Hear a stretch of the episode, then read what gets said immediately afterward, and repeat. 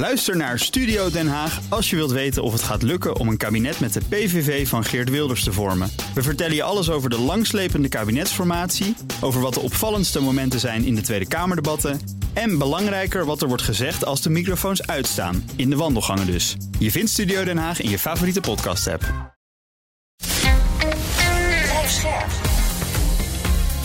BNR Nieuwsradio. Boekenstein en de Wijk. Mark Beekhuis. Welkom bij Boekenstein in de Wijk. Het is donderdag, dag 498 van de Russische oorlog in Oekraïne. Arend Jan, Rob, goed dat jullie er weer zijn. Nog twee dagen, dan is het uh, 500. Tja, Je kan het niet, uh, niet vieren, hè, maar uh, misschien Nee, herdenken. het is echt vreselijk. Ja, ik word er al moe van als ik aan denk aan die 500ste aflevering. Ja. Ja, wij hebben een vraag van een luisteraar, Camille Kamps. Ah, goed en zo. die vraagt, ja, er werd alweer eens tijd. Ja, mail ze naar, eh, naar jullie, Rob. Ja, op eh, Twitter, eh, of ze mogen Oh ja, ook mailen. Twitter, Laat maar even precies. kijken, ja. Eh, nou, via Twitter, wie daar nog zit. Een vraag van Camille Kamps. Is de kans dat Poetin akkoord gaat met een wapenstilstand in Oekraïne toegenomen of juist afgenomen na de opstand van Prigozhin? En hij geeft zelf wat argumenten voor en tegen, maar ik ben vooral nieuwsgierig nu naar jullie argumenten. Rob, misschien als eerste? Ik denk dat het niks uitmaakt. Ik denk dat dat eigenlijk het eh, eerlijke eh, antwoord is. Je zou kunnen denken eh, dat eh, de Prigozhin-affaire feitelijk zijn positie verzwakt heeft. Eh, maar bijvoorbeeld één punt is echt heel erg belangrijk. eh, en dat is ehm, eh, de positie van Surovikin. Eh, spreek het nou goed uit of niet? Eh, Ja, dat is Probeer gelijk te bedenken wie het ook weer is. Ja, eh, dat is een eh, belangrijke generaal. Eh, die was feitelijk op de hand van Prigozhin, maar die is in de bak gegooid. En daarvan weten we nu dat hij waarschijnlijk weer vrij wordt gelaten. Omdat eigenlijk als je zo'n man eh, in de gevangenis eh, gooit, die een belangrijke rol ook heeft eh, gespeeld in, gespeeld in de, in de Oekraïne-oorlog, dat je daarmee feitelijk eigenlijk de krijgsmacht ook uit elkaar gaat trekken. En dat kan je dus nu, nu niet hebben. Dus je ziet nu dat aan alle kanten geprobeerd wordt om de boel zoveel mogelijk te consolideren, zodat die hele Prigozhin-affaire geen echt effect heeft op het slagveld. Dat kan natuurlijk niet, eh, zegt natuurlijk niks eh, over het toekomstige succes van, eh, van Rusland of van Oekraïne. Maar ik denk dat de effecten buitengewoon gering zijn. En dat zie je dus ook uit het feit dat Shogun en Gerasimov, de Gerasimov de hoogste militair, Shogun eh, de, de minister van Defensie, dat die ook niet zijn aangepakt. Terwijl dat eigenlijk wel de bedoeling was van Prigozhin. Dus de hofhouding is misschien wel helemaal overhoop aangegooid, of dat gebeurt nu. Maar voor Poetin en zijn positie en zijn opvatting over een wapenstilstand, daar gaan we het verschil niet zien. Dat denk ik ook. Ja, ik, denk, denk dat Rob gelijk heeft. Ik denk dat Rob gelijk heeft. En waarom? Kijk, wat is de belangrijkste eh, kritiek die Poetin krijgt? En wat is de belangrijkste groepering? Dat zijn die bloggers. Dat zijn die jongens die dus vinden dat, dat er harder op moet worden geslagen. En die, dat is ook de belangrijkste groepering. Dat is ook de groepering die op een gegeven moment de, de grenzen aan kunnen gaan stellen. Hè? Als, je, als je in termen van een koep zou, dan komt het daar vandaan. Hè? Nou, dat betekent dus dat Poetin zich niet kan veroorloven om heel snel onderhandelingen te openen. Want dan, dan, dan valt het land echt uit elkaar. En dan worden die jongens helemaal hartstikke kwaad. Dus ik denk dus dat het niet zoveel uitmaakt wat er met Prigozhin gebeurd is. Poetin is gewoon beducht voor de oppositie die, nog feller is eh, dan hij zelf. Dus Ja. hij kan niet zomaar gaan onderhandelen. Ja, het belangrijkste resultaat is denk ik dat zijn persoonlijke veiligheid enorm wordt eh, verstevigd. Ik denk dat dat, daar hebben we het gisteren over gehad. Ik denk dat Ja. dat echt eh, iets is waar, eh, ja, wat het directe effect is van, van dit. Hij, hij voelt zich kwetsbaarder en dat is hij ook. Maar dat wil nog niet zeggen dat zeg maar de hele commandostructuur in elkaar is gedonderd, waardoor hij niet meer in staat is om die strijd in Oekraïne goed voor te zetten. Ja. Dus het klopt een beetje wat Camille Kamps in zijn mailtje schrijft of in zijn ik. Eh, aan de ene Ja, kant, aan de ik. andere kant. Het zou allebei eh, een beetje Ja. een effect. Ja, voorspellen is altijd lastig en we hebben geen glazen bol. Arend Jan, jij kwam met een artikel, of was het Rob? Een van de twee, dat weet ik eigenlijk niet eens meer precies. Want hij is van de afgelopen week, kwam die eh, ergens in de, de WhatsApp groep voorbij. Ja, Rob wees erop, het is echt een ongelooflijk belangrijk artikel. Van iedereen, Mark Lennart. Ja, over ja. China. China Ja. is klaar voor een wereld vol chaos. Amerika niet. Ja, en het is echt een artikel dat mensen aanraadt om dat te gaan lezen. Mark Leonard is die uh, directeur van de European Council of Foreign Relations. Hè. Nou, wat zegt hij? En het gaat echt een beetje in tegen onze ideeën over de wereld, omdat we altijd nog altijd nogal gecentreerd zijn over het Westen en we nog stiekem denken dat Amerika en, en, en Europa samen toch heel machtig zijn. Hè. Hij gaat er helemaal tegen in. Hij zegt dat China gaat zich, is zich aan voorbereiden op een wereld waarin ze gaan proberen te overleven in een wereld zonder orde. Nou, dat is voor het Westen natuurlijk een horrorscenario. Want Amerika en het Westen willen juist die oude wereldorde willen ze revitaliseren. Bondgenootschappen, instituties. Hè? En eigenlijk zien ze dus als, als dezelfde strategie tijdens de Sovjet-Unie van de Koude Oorlog. Dus heel ideologisch ook. Hè? Terwijl dus China zegt die wereldorde komt niet meer terug. Uh, het gaat nu over dat landen gewoon eh, soeverein, soeverein willen zijn.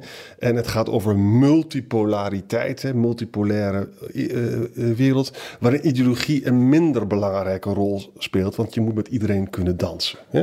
Dus aan de ene kant is de oude. Amerika gelooft nog aan het revitaliseren van de oude wereldorde. China heeft dat al lang opgegeven. Nou, eigenlijk zegt Mark Leonard, Beijing's analyse is eigenlijk toch wel heel interessant. En, waarschijnlijk hebben ze nog gelijk ook, want er zijn drie hele grote verschillen in de situatie nu eh, en die met de Koude Oorlog. Eén, ideologie is nu veel zwakker. Hè? We, je kunt geen Koude Oorlog meer vormen. Waarom is die zwakker? Nou, we hebben die ellende gehad met de bankencrisis, weet je wel. Uh, en we hebben op allerlei andere gebieden ellende gehad. Het is niet meer zo heel duidelijk uh, democratie versus autocratie. Hè? Nou, tweede argument wat hij zegt van de Sovjet-Unie en, en, en, Amerika samen, die waren belangrijk en die, die domineerden de wereld. Moet je bedenken, Sovjet-Unie plus Sovjet-Unie eh, sorry, uh, Amerika plus de Sovjet-Unie plus China was 88% van het BNP in 1950. 88%. Nu is dat 57%. Hè? De niet gebonden landen waren in 1950 slechts 1%. Dat is nu 15%. Met andere woorden, het is veel moeilijker uh, uh, om in termen van dominantie te denken. Het wordt gewoon veel multipolairder. En dat zien de Chinezen dus goed, zegt Mark Leonard. Derde argument, de interdependentie, de wederzijdse afhankelijkheid is nu veel groter dan vroeger. Hè? Handel uh, tussen Amerika en de Sovjet-Unie was toen slechts 1% in de jaren 80. En nu is de handel van Amerika en de EU met China is 16% hè, van hun totale handel. Met andere woorden, als je dus blokvorming gaat doen in een wereld die zo interdependent is, dan is het niet stabiel. Waarom? Omdat Europa bijvoorbeeld nog grotere Chinese belangen heeft dan Amerika. Dus eigenlijk zegt Mark Leonard gewoon, jongens, dat zou wel eens kunnen zijn dat de, dat de Chinezen gewoon gelijk hebben. Dat we naar een wereld toe gaan zonder orde, die gewoon multipolair is en minder ideologisch. Hè? Nou ja, een beetje orde zal er wel blijven bestaan hoor, denk ik. ik dat hoop ik, ik ook wel. Dat een, een fantastische samenvatting. Uh, en, en ik denk dat dat ook wel gedeeltelijk klopt. Uh, maar een beetje orde uh, blijft wel bestaan. Kijk, kijk ik hoop dat jij en ik uh, uh, bijvoorbeeld een rood stoplicht wel in acht nemen, omdat als je dat niet doet, uh, je gewoon van je sokken wordt gereden.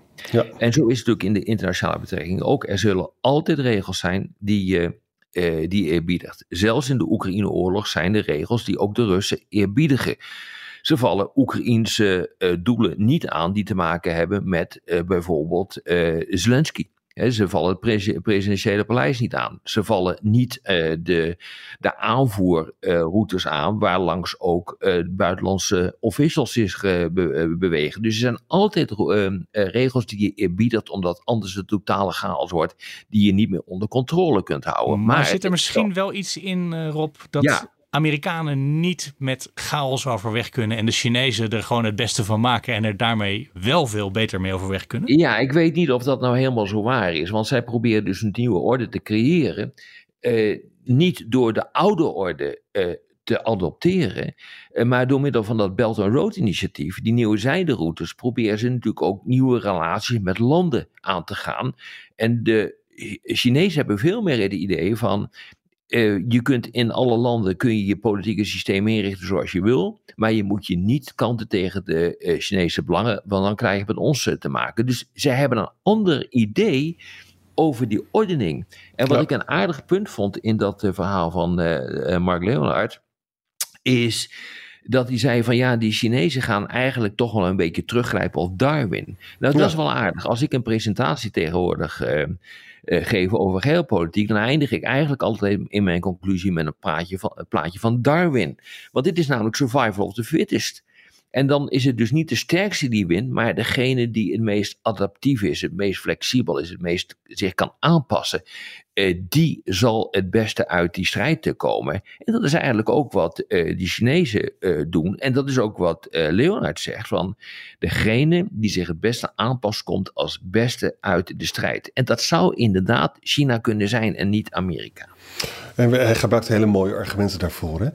Xi past zich dus aan aan die, eh, aan die nieuwe situatie. 50%, de helft van zijn economie, is gebaseerd op interne circulatie. Hè. Gewoon een eigen vraag ontwikkelen, minder export-led growth. Hè.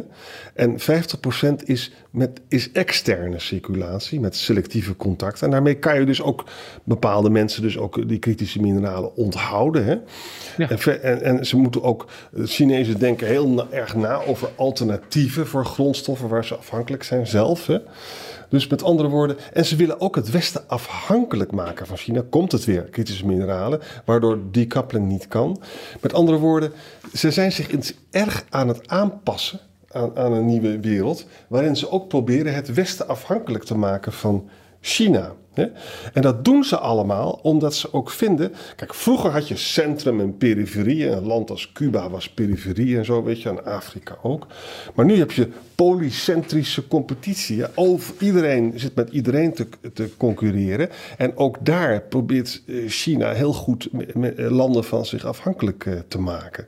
En ze wijzen er heel fijntjes op, jongens. Als je over de Russische sancties praat, slechts 33 landen steunen die Russische sancties. Ja, En een heleboel landen niet. Hè? Dus eigenlijk laat Mark Leonard zien dat die wereld eh, die, de Chine die, die, die de Chinezen analyseren, die bestaat eigenlijk al voor een groot deel. Ja, dat, eh, ik denk dat dat, eh, dat dat zo is. En als je wil zien hoe het, eh, hoe het werkt. Nou, we hebben er gisteren al even over gesproken in, de, in de podcast.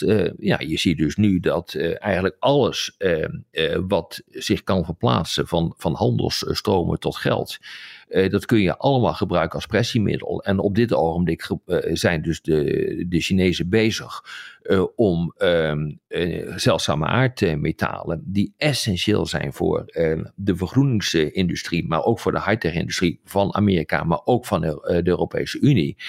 Om die ehm, te gebruiken als politiek pressiemiddel. Hè. De exportrestricties op onder andere gallium, eh, die zijn niet zonder eh, betekenis. Als je wil gaan kijken hoe landen samenwerken, dan moet je eens kijken wat er gebeurt met de Shanghai Cooperation Organisatie, waarin Xi Poetin en Modi een belangrijke rol spelen, maar ook de oude stands, de, de, eh, de republieken die vroeger onderdeel waren van eh, de Sovjet-Unie, die nu zelfstandig zijn geworden, spelen daar ook een rol in. En als je kijkt wat voor taal daar wordt gebezigd, ook door Modi, die, die, Ja. die, dan, die echt recent is ontvangen met groots onthaal in het, ehm, eh, in het Witte Huis, maar nu ook taal zitten uiten en ook zich aan de kant van Xi eh, plaats als hij, eh, door te zeggen van ja, wij vinden ook inderdaad dat die wereldorde moet veranderen en de westerse dominantie, ja, daar moeten we niet meer in meegaan.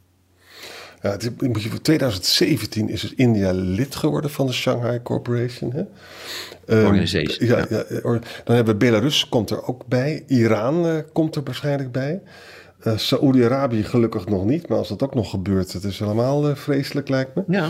Dus je ziet gewoon weer hoe wij worden gewoon minder belangrijk. En de wereld die wij zo goed kenden, van de Verenigde Staten, eh, de VN, de, de Wereldbank en de IMF, dat, zo, dat heb ik allemaal op de lagere school hebben we dat geleerd. Dat was belangrijk. Dat wordt dus allemaal minder belangrijk in die wereld waarin instituties internationale instituties gewoon worden afgebroken. Omdat China, die wil zich niet de les laten lezen door het IMF en de Wereldbank. Die heeft gewoon zijn eigen ontwikkelingsbank eh, opgericht. Hè? Ja. Ik vind het een heel belangrijk artikel. Ja, iedereen moet dat maar eh, lezen. Kijk, er is één luchtpuntje, lichtpuntje. Eh, de Amerikanen, maar ook de Europeanen zijn eigenlijk veel beter in het verzamelen van bondgenoten. Dus een, een land als China heeft geen echte bondgenoten, ja, behalve Noord-Korea. Eh, maar daar, daar kan de oorlog ook niet winnen, bij wijze van spreken. Eh, dus eh, wat daar gebeurt, is er komt inderdaad een, een nieuwe wereldorde. Althans, dat is wat China wil. Naar met, met, met Chinese karakteristieken, zoals de Chinezen dat zo graag eh, zouden willen noemen. Maar dat wil niet zeggen dat hij echt geslaagd is op echte bondgenootschappen. En natuurlijk is het zo dat die westerse bondgenoten, als je kijkt naar het aantal landen dat uh, de westerse sancties steunen, dat die beperkt zijn, maar nog steeds heel belangrijk. Als je kijkt naar de G7, naar het zogenaamde AUKUS-pact uh, tussen uh, de Britten, de Amerikanen en de Australiërs. Uh, naar de, alle landen die toch de sancties ehm, ehm, onderschrijven van ehm, Amerika in de richting en van de Europese Unie in de richting van Rusland. Ja, dan moet je constateren dat dat nog steeds een enorm machtsblok is hoor. dus we moeten ook niet net doen alsof dat Westen helemaal niets meer, meer voorstelt. Maar dat het aan het veranderen is, is een ding dat zeker is. En ik sprak altijd over uh, Saudi-Arabië. Ik lees nu, er zijn zes dialoogpartners van de Shanghai-groep. Hè? Armenië, Azerbeidzjan, Cambodja, Nepal, Sri Lanka en, en, Turkije dus ook. Ja, Turkije zit ja. erin. Ja. En nu komt er dus bij uh, Qatar en Saudi-Arabië. Dit is echt belangrijk, jongens. Dit is echt belangrijk, ja, zeker. Absoluut. Je krijgt een nieuwe deling, je krijgt nieuwe machtsstructuren. Kijk, en eh, dat wil dus niet zeggen dat die, die wereld zonder regels is. Die nieuwe landen proberen ook nieuwe regels vast te stellen. Dus je krijgt conflicterende, concurrerende regels in uh, de wereld. En die regels die hebben na de Tweede Wereldoorlog, toen het Westen eigenlijk de huidige liberale wereldorde op uh, hebben gezet, hebben ja, die hebben regels bepaald en instituties bepaald waarmee het Westen zijn macht kan uitdragen. Dat gaat gewoon nu weer gebeuren, alleen onder Chinese leiding. Exact. Voor een aantal landen. Dus je krijgt conflicterende, concurrerende uh, blokken in de wereld. En China probeert dus ook de, de standaarden. Hè? Europa en Amerika waren heel goed in standaarden. Ze zijn er Industriële met, standaarden. Ja, ja. en er zijn, China wil dat ook heel graag. Is lid geworden van al die organisaties die standaarden bepalen.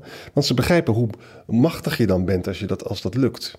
Ja, dat klopt. Dat heet Chinese Standards 2035. En daarmee proberen ze echt gewoon, ook op high-tech gebied, uh, proberen ze te, te, te, bezien hoe zij de standaarden voor bijvoorbeeld Internet of Things en dat soort zaken kunnen gaan uh, uh, bepalen. En wie dat kan, die kan ook de nieuwe industriële revolutie die nu volop aan de gang is, eigenlijk naar, naar zijn hand zetten. En als je dat kan doen, dan word je rijk en machtig kun je omzetten in, ook in militaire macht. En dat gaat uh, betekenen uh, dat je dus die nieuwe wereldorde nog veel meer naar je hand kan zetten.